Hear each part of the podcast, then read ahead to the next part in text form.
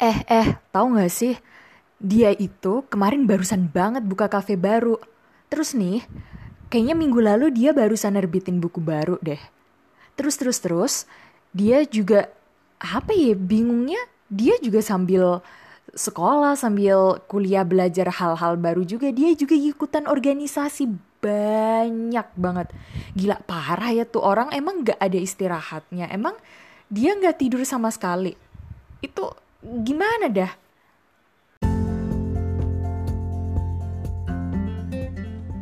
Halo semuanya, kembali lagi di Lavanya Love, Respect, Believe. Yeay, apa kabar semuanya? Di sini ada Angkor Dona lagi yang akan menemani kalian untuk mendengarkan episode kali ini. Dan aku harap kalian di mana pun teman-teman lavanya berada, aku harap kalian semua bisa tetap stay sane dan tetap menjadi kalian apa adanya, tetap menjadi who you are. Dan ku harap kalian juga baik-baik saja di sana, tidak depresi, tidak stres karena please kesehatan mental itu juga penting. Jangan hanya karena uh, apa namanya kalian semacam nggak um, bisa keluar rumah terus jadi kayak stres banget terus yang kayak oh dia kayak mau mati aja kayak gitu. Please jangan jangan kehidupan itu lebih berharga men daripada kematian. Just FYI. Dan ya, sebentar lagi kita akan menyongsong new normal. Ya, kehidupan normal yang baru. Dan di kehidupan normal yang baru ini, um, sepertinya akan ada banyak tuntutan baru ya. Karena bahkan sebelum new normal aja sudah banyak tuntutan gitu. Kayak oh karena kamu bekerja dari rumah waktumu pasti akan lebih banyak nih. Karena kamu nggak ada apa ya kayak nggak ada uh, waktu untuk make waktumu untuk transportasi segala macam terus kamu juga istilahnya barusan bangun udah bisa langsung cuci muka terus kamu langsung kerja itu juga bisa. Jadi orang yang memberi pekerjaan semacam ya mungkin kamu akan punya lebih banyak waktu yang kamu butuhkan hanyalah internet dan laptop Tara dan you can do it quick kayak gitu. Padahal sebenarnya nggak juga kayak gitu kan. Ya jadi ya aku berpikir mungkin di new normal entah dia emang akan menjadi normal atau ya mungkin akan menjadi normal tapi dengan banyak tuntutan. Ya. Karena kalau aku lihat nih sepertinya memang banyak banget perusahaan yang uh, dengan dalih ya karena kalian work from home jadi seharusnya kalian bisa mengerjakan ini dengan lebih cepat karena kalian tidak um, tidak punya beban pikiran kalau misalnya di tempat kerja kalian memikirkan rumah kayak gitu nggak ada lagi. Jadi kalian bisa lebih fokus kalau kerja di rumah segala macam kayak gitu. Padahal ya kita tetap manusia yang sama gitu kita tetap butuh istirahat gitu.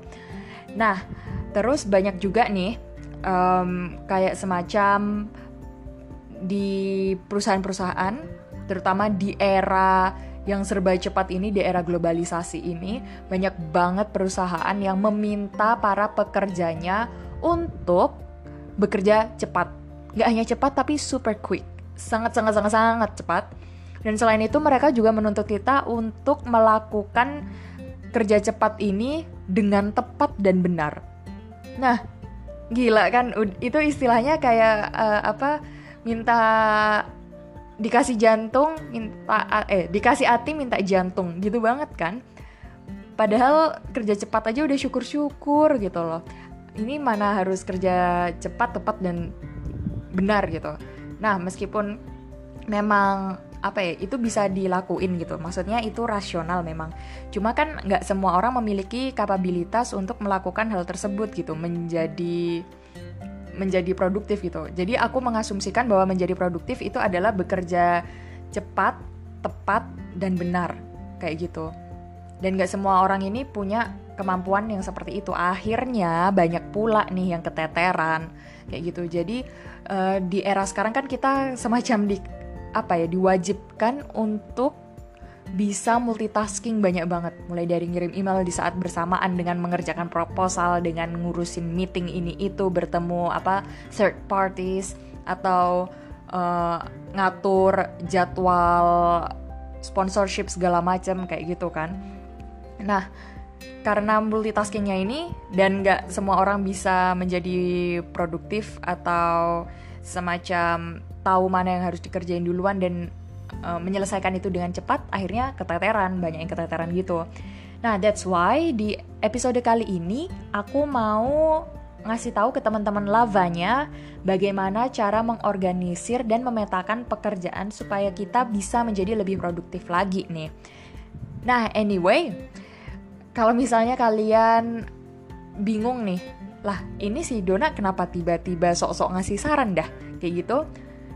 Ya sebenarnya I'm not the expert of it, tapi aku merasa bahwa dengan kesibukanku saat ini dan hasil-hasil yang bisa aku dapatkan meskipun aku sambil ngurusin banyak banget kesibukanku yang mungkin kayak seolah-olah oh 24 jam dalam sehari itu nggak cukup kayak gitu aku cukup merasa bahwa oh mungkin caraku ini bisa aku share ke kalian dan setelah itu mungkin kalian bisa menerapkan itu ke kehidupan kalian sendiri gitu jadi syukur-syukur aja kalian bisa menjadi lebih produktif dengan caraku. Meskipun nanti mungkin ada beberapa poin yang nggak sesuai sama kalian, no problems. I mean, itu make sense juga, itu masuk akal juga kan, karena ya memang setiap orang kan berbeda-beda kan, setiap orang itu unik gitu. Jadi uh, doesn't matter kalau uh, apa namanya, uh, kalau kalian punya cara kalian sendiri kayak gitu.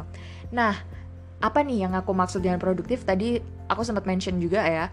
Jadi ketika kamu harus bisa menghasilkan sesuatu dalam waktu singkat dan dalam waktu singkat itu berarti kamu harus dituntut untuk melakukannya dengan benar dan tepat karena kalian sama sekali nggak membuang-buang waktu kalian kayak gitu. Nah ini yang menjadi produktif yang aku maksud gitu. Terus um, kalau menurutku dan berdasarkan pengamatanku, observasiku, pentingnya menjadi produktif itu karena memang sekarang ini zaman yang sudah bergerak sangat sangat sangat sangat cepat banget gitu. Nah, bergerak cepat ini akhirnya membuat orang yang kalau misalnya dia nggak bisa gerak cepat, kelindes udah sama perkembangan zaman kayak gitu. Itu kayak kasihan banget, bakal kasihan banget sih. I mean, nggak um, bisa menyalahkan keadaan juga gitu karena kita yang harus try to fit in gitu. Jadi ya itu pentingnya untuk menjadi produktif. Karena kalau enggak kita akan kegiles sama apa sama perkembangan zaman yang super cepat.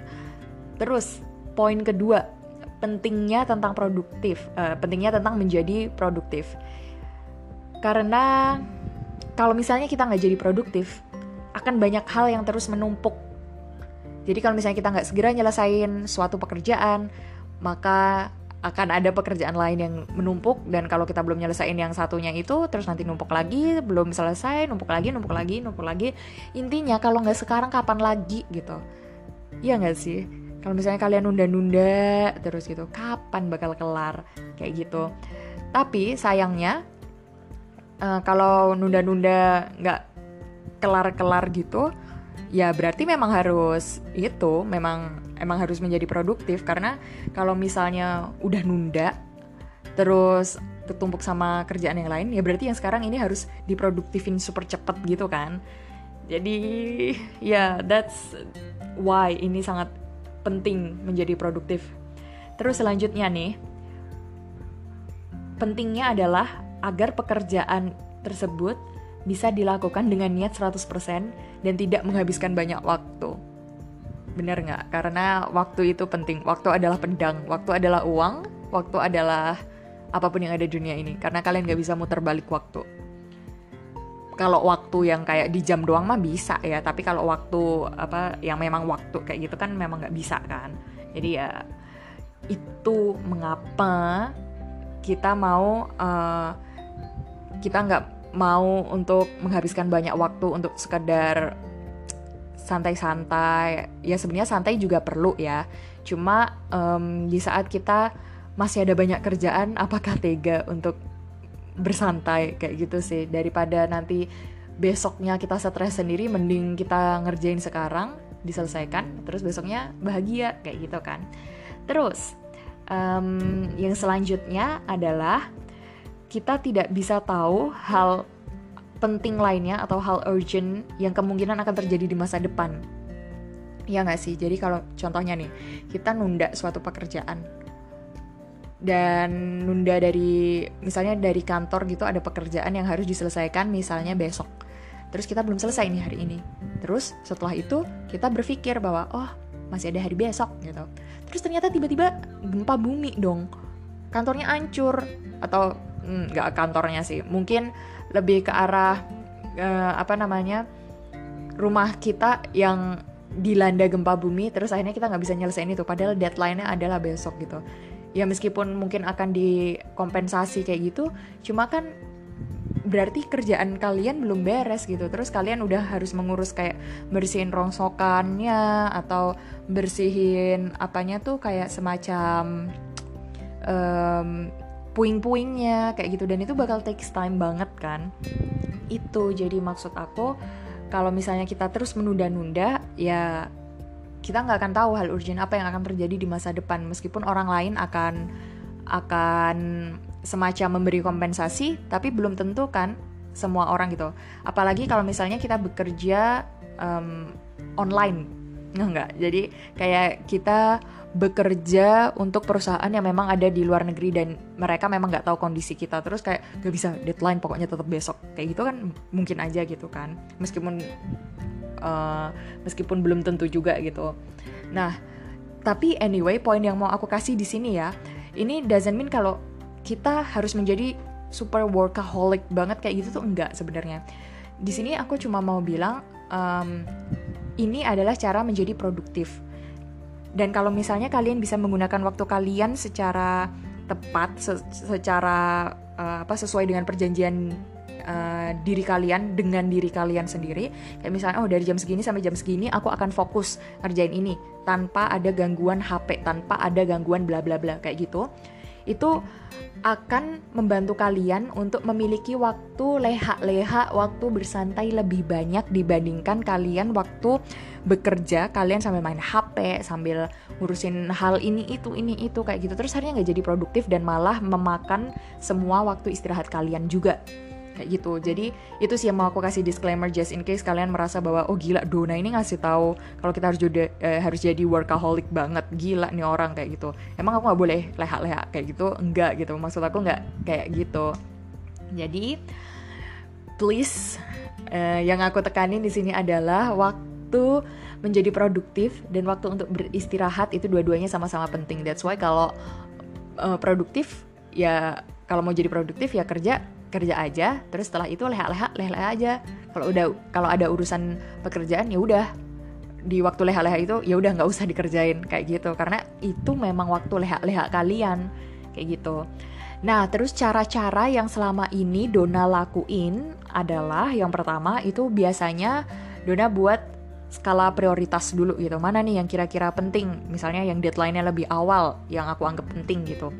Ya udah aku bakal naruh itu di bagian teratas um, di bagian teratas sticky notesku kayak gitu.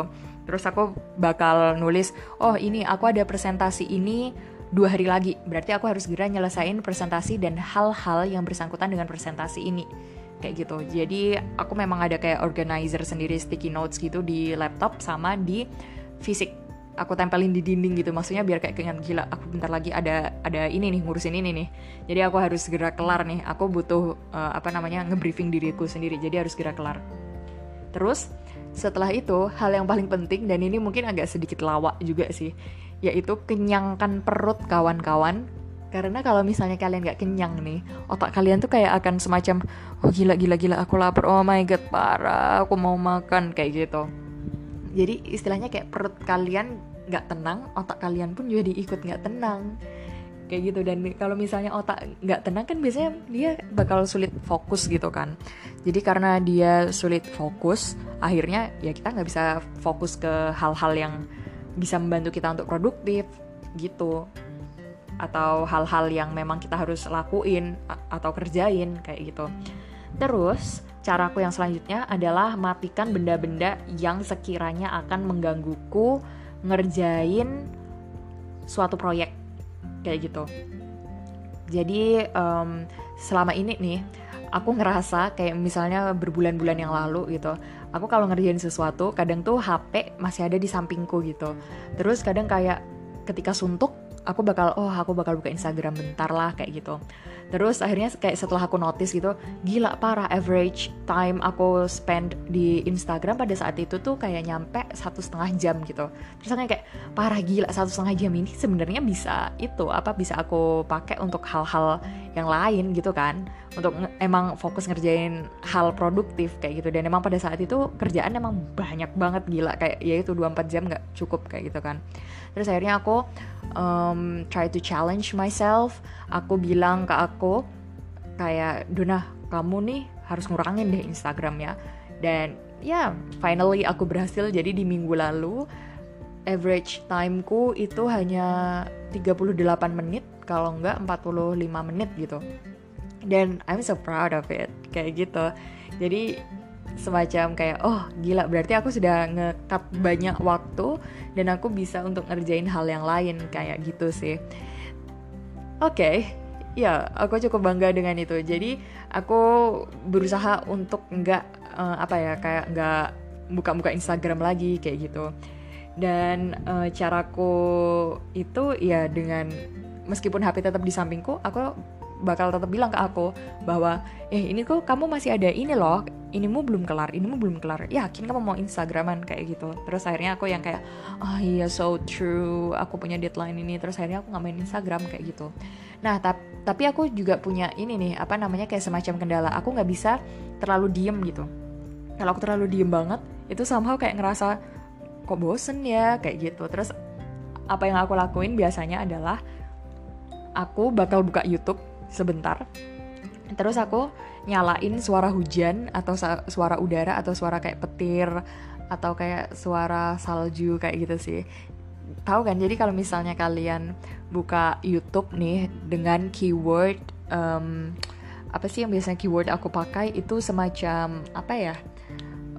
Um, kalau nggak salah keyword yang biasanya aku pakai itu nature sound atau um, raining sound. Ya semacam kayak gitu. Ya aku agak lupa keyword yang biasanya aku pakai apa karena dulu aku sempat cari satu keyword terus akhirnya gara-gara aku cari satu keyword itu terus uh, suara-suara uh, apa kayak video-video dengan suara yang lain-lain itu bermunculan di homeku terus aku yang kayak oke okay, aku kayak tinggal klik klik klik kayak gitu. Ya yeah, you know lah algoritmanya YouTube gitu. Tapi menurutku itu bisa membantu bisa juga enggak gitu. Karena kadang-kadang aku pernah yang kayak super sentuk banget. Akhirnya aku yang kayak aduh aku bingung nggak bisa ngerjain lagi. Terus aku uh, apa namanya buka tab YouTube yang tadi terus aku ganti ke lagu-lagunya kayak oh lagunya Zara Larson atau oh lagunya Drake atau oh lagunya uh, siapa? Sasha lagunya ya yang lain-lain kayak gitu. Ya jadi itu memang apa ya emang takes time untuk belajar untuk tidak membuka Instagram dan juga takes time um, apa namanya untuk fokus ke satu hal kayak gitu. Ya tapi kalau misalnya kalian suntuk memang harus coba istirahat dulu sih. Terus um, hal yang paling penting lainnya adalah bawa minuman teh atau permen ke tempatmu mengerjakan suatu proyek gitu. Jadi di meja aku nih ini aku ada kayak apa namanya botol minuman sendiri. Terus uh, ada juga uh, kayak semacam Oreo sama permen-permen kayak gitu. Jadi kalau misalnya aku kayak mulai agak bosan gitu aku bakal semacam oke okay, aku ngemut permen ah atau oh aku minum dulu bentar lah kayak gitu. Jadi itu kayak bisa ngasih apa ya memberikan energi ke kita lagi kayak gitu. Jadi ya yeah, itu cukup membantu gitu. Terus caraku yang lainnya adalah ketika kita mengerjakan sesuatu, kita harus melakukan di tempat yang menurut kita nyaman, tapi jangan terlalu nyaman. aku tahu nih mungkin ada beberapa yang kayak semacam oke okay, nyaman. Oke okay, kasur aja kayak gitu. No no no no no. Bukan kasur. Mungkin kalau misalnya kalian apa ya bisa menahan godaan kasur gitu nggak apa-apa di kasur. Tapi kalau misalnya kalian nggak bisa menahan godaan untuk ayo tidur ayo tidur ya udah jangan kayak gitu. Daripada emang ketiduran beneran terus malah ngelupain banyak hal kan? Jadi saranku adalah buatlah meja belajarmu menjadi tempat bermain yang asyik. Karena kalau nggak gitu, kalian akan terus berpikir bahwa oh kasur adalah tempat ternyaman untuk mengerjakan. Terus akhirnya eh tidur deh kayak gitu. Jadi mejaku nih selain ada space untuk minuman dan oreo dan permen aku ngosongin semua tempat mejaku ini. Jadi emang di mejaku cuma ada laptop sama tempat minum sama oreo. Udah. Setelah itu nggak ada lagi. Oh sama charger. Udah itu doang. Itu pun charger laptop kayak gitu. Jadi sesimpel itu gitu. Jadi dengan melihat meja kita simple somehow itu kayak membuat ruang gerak kita lebih banyak gitu. Dan dengan ruang gerak yang lebih banyak itu akan memudahkan kita untuk beraktivitas mengerjakan sesuatu. Kayak gitu. Lalu aku cara lainnya juga pakai kayak um, 45 menit 10 menit untuk belajar dan beristirahat. Kayak gitu. Jadi ini kalau aku semacam observasi atau aku baca-baca artikel atau aku dapat saran dari orang-orang mereka kadang ada yang kayak pakai oh um, berapa? 10 menit 30 menit atau pakai berapa menit berapa menit? kayak gitu. Cuma kalau aku dulu aku pernah pakai yang kayak gitu kayak oh aku ya udahlah 5 menit pertama istirahat terus aku nanti belajar lagi uh, 30 menit. Terus setelah itu aku istirahat 10 menit habis itu aku belajar lagi 45 menit kayak gitu. Jadi aku dulu pakai yang bervariasi terus aku kayak mikir oke okay, aku udah bisa kayak gitu jadi aku mau mencoba challenge diriku lagi kayak oke okay, aku naikkan lagi jam untuk jadi produktifnya yang dulu awalnya kayak cuma 30 menit, 40 menit, sekarang aku naikin jadi 45 menit kayak gitu. Dengan waktu istirahat 10 sampai 15 menit tergantung gitu. Kalau emang kayak aduh gila aku otakku apa uh, kayak otakku udah nggak kuat lagi, otakku udah over capacity banget. Ya udah aku bakal like aku bakal takes istirahat 15 menit kayak gitu. Pokoknya kalian harus nyimbangin antara waktu produktif dan waktu istirahat secara seimbang gitu. Karena kalau nggak gitu ya akan capek juga di kalian ya. Kalian nggak mau burn out kan? Kayak gitu. Terus hal yang paling penting lainnya adalah ajak teman untuk belajar bersama tapi temen yang ini tuh harus temen yang memang memiliki tujuan belajar yang sama dan emang bener-bener mau belajar bukan yang emang mau hangout atau main doang kayak gitu. Karena aku pernah nih kayak dulu ketika aku ngerjain skripsi kan aku punya temen skripsi gitu. Jadi aku selalu ngajakin dia, eh aku mau ke cafe ini nih, kamu mau ikut nggak? Tapi aku mau ngerjain skripsi kayak gitu. Terus ya udah dia mau mau aja. Jadi dia emang ngebawa laptopnya dia sendiri terus dia entahlah baca komik baca apalah kayak gitu jadi di saat itu kita kayak duduk hadap-hadapan tapi kita diem kayak gitu. Nggak nggak. Jadi oh, mungkin kalau orang lihat semacam ih gila dua orang ini ansos banget ya kayak gitu. Nggak sebenarnya emang kita menjadi produktif gitu. Jadi kalau dengan kayak gitu kita tuh kayak ngerasa oh ada orang nih nemenin aku. Setidaknya kalau aku udah menjadi produktif kayak gini dia akan ngerasa bahwa oh uh, apa namanya um, dia ikutan datang ke kafe atau apa gitu itu hal itu berguna gitu. Jadi itu nggak hanya omong kosong doang atau hanya hahaha doang kayak gitu. Jadi ya punya temen itu punya temen yang bisa diajakin kayak gituan itu bakal lebih enak gitu. Terus kalau misalnya di saat pandemi kayak gini mungkin bisa caranya tuh kayak gini. Kalian nge-skype gitu kan. Entah ngeliatin wajah teman kalian di pojokan laptop gitu kan terus uh, ya udah diem aja gitu tapi sambil ngerjain. Terus nanti ketika kayak bingung kayak oh gila menurutmu uh, isu ini perlu diangkat nggak ke topikku ini atau gimana? Nah kalau misalnya ada pertanyaan kayak gitu kalian bisa langsung tanya ke teman kalian terus teman kalian bisa kayak oh iya menurutku ini penting ini enggak kayak gitu kan. Soalnya kadang-kadang ada beberapa pekerjaan yang memang mengharuskan kita untuk menanyakan pendapat orang lain kayak gitu kan. Jadi kalau misalnya pekerjaannya seperti itu itu akan sangat membantu banget kalau kalian mengerjakannya dengan teman. Meskipun nggak yang kayak 100% ngobrol banget gitu enggak. Nah terus um, setelah itu yang aku lakuin adalah aku membuat reward untuk diriku sendiri kalau misalnya aku bisa fokus gitu. Jadi biasanya setelah aku di circleku eh, bukan circle apa di cycleku yang tadi 45 10 menit terus um, aku udah ngulangin itu sebanyak dua atau tiga kali setelah itu biasanya aku akan nge-reward dengan oke okay, aku tertarik bikin mie ya udah aku bikin mie. Atau oke okay, aku tertarik untuk buka YouTube ya udah aku buka YouTube sambil ngeliatin uh, mungkin Jonas Brother atau oh aku mau nostalgia dulu ah aku mau ngeliatin Hannah Montana atau High School Musical itu juga nggak apa-apa itu bisa kayak gitu.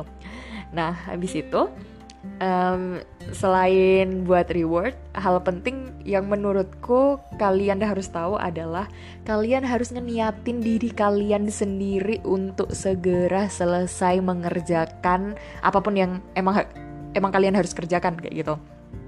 Karena kalau awalnya dari niat pun itu juga nggak ada, ya ya udah nggak akan kelar gitu proyek-proyek kalian apa pun itu gak akan kelar gitu. Jadi bagaimanapun niat itu harus dilurusin banget. Karena kalau ya kalau niat gak ada kalian gak akan ngerasain value untuk ngerjain itu atau kalian gak ngerasain apa urgensi untuk ngerjain hal itu gitu. Dan biasanya untuk numbuhin niat itu per orang bakal beda-beda sih. Tapi kalau aku aku cara ngumpulin niat adalah dengan semacam oh oke okay, Dona kamu kalau ngerjain proyek ini berarti kamu ada kesempatan untuk mendapatkan uang lebih banyak atau kalau misalnya kamu uangnya lebih banyak, kamu akan lebih cepat untuk masuk S2-nya. Lalu setelah kamu masuk S2, kamu baru bisa untuk mengubah dunia atau gimana atau mengubah regulasi-regulasi yang menurutmu nggak jelas kayak gitu. Ya udah akhirnya setelah aku mikir kayak gitu, ah so true. Terus akhirnya aku bisa lah ngumpulin niat kayak gitu. Nah, iya, aku harap itu cukup membantu ya karena um, itu cara-caraku sendiri dan uh, syukurnya nih itu cukup bekerja untukku. Tapi yaitu lagi but then again aku nggak tahu apakah itu memang bisa bekerja untuk kalian atau tidak. Kayak gitu sih. Jadi ku harap ya ya semoga itu bisa bekerja untuk kalian juga gitu. Jadi um, ya jadi kalau misalnya itu bekerja untuk kalian artinya kalian bisa menjadi lebih produktif lagi dan kalau misalnya semua orang di Indonesia produktif ya pasti deh Indonesia akan lebih maju lagi gila parah banget bawaannya ngobrol sampai bahas-bahas Indonesia juga. Nah, anyway, ini niat juga nih. Jadi kalau misalnya kalian mau mengubah masa depan, kalau kalian mau mengubah Indonesia dan kalau kalian merasa bahwa pemerintah itu belum bisa untuk uh, ngubah sampai ke aspek yang super detail, nah kalian ini kalian adalah uh, semacam uh, apa sih istilahnya kayak semacam pion-pionnya gitu untuk mengubah bangsa. Jadi dengan niat itulah kalian seharusnya bisa mengerjakan proyek apa pun yang kalian kerjakan kayak gitu. Nah, jadi aku mau ngasih semacam summary ya, aku mau ngasih semacam rangkuman dulu uh, untuk menjadi produktif itu itu memang membutuhkan usaha gitu. Tapi kalau kita bisa mengatur skala prioritas kita dan tahu betapa enaknya menyelesaikan suatu pekerjaan jauh sebelum deadline, ya untuk para deadliners please dengerin ini, pasti kita akan terus berusaha untuk melakukannya. Bener. Jadi kalau misalnya kita udah tahu gimana enaknya untuk nggak selalu deadline deadline deadline kayak gitu kita tuh pasti akan terus-terusan kecanduan kayak gitu. Just FYI aja sih. Aku memang dari awal memang bukan deadliners dan aku sadar betul bahwa mungkin orang-orang yang di sekitarku mereka bukan deadliners juga gitu. Jadi dengan begitu aku akan berusaha mikirin mereka kayak oh gila kalau aku ngasihnya sesuai deadline yang emang literally kayak uh, apa satu menit sebelum deadline itu kayaknya orang yang nyutuin aku bakal deg-degan atau kayak semacam gila nih orang kenapa sudah kenapa nggak ngerjain dari kemarin atau gimana? Kayak gitu kan. Jadi itu untuk semacam memberikan uh, kita pahala juga karena kita tidak membuat marah orang lain. Kayak gitu sih. Nah hal itu tentu saja dipengaruhi oleh niat kita gitu. That's why uh, niat itu penting. Balik lagi nih niat itu penting. Oleh sebab itu mari luruskan niat. Oke okay. ya. Jadi itu adalah How to be Productive. Menurut Dona seseorang yang merasa bahwa 24 jam dalam sehari tidak cukup dengan kesibukannya yang bejibun tapi uh, tetap berusaha untuk menjadi apa uh, untuk tetap menjadi berguna untuk masyarakatnya ya itu aku meskipun aku bukan profesional. Tapi aku harap itu bisa membantu kalian. Dan anyway kalau misalnya kalian ada semacam saran, kritik segala macam. Atau kalian mau ngasih tahu gimana caranya kalian menjadi produktif ke lavanya, boleh banget kalian uh, reach us at lavanya.podcast at gmail.com itu via Gmail. Atau kalian bisa langsung kirim um, kirim apa pun itu yang mau kalian kirim ke Instagram lavanya di at lavanya.podcast begitu. Nah Anyway, makasih banyak untuk teman-teman yang sudah ngedengerin podcast hari ini How to be productive. Uh, I hope you find it uh, useful dan aku harap uh, kalian juga bisa share ini ke teman-teman kalian juga supaya mereka tidak struggling lagi untuk um, apa mengatasi itu untuk uh, apa mengatasi kebingungannya mereka mengenai produktivitas. Jadi ya Lavanya, love, respect, believe. Terima kasih, sampai jumpa.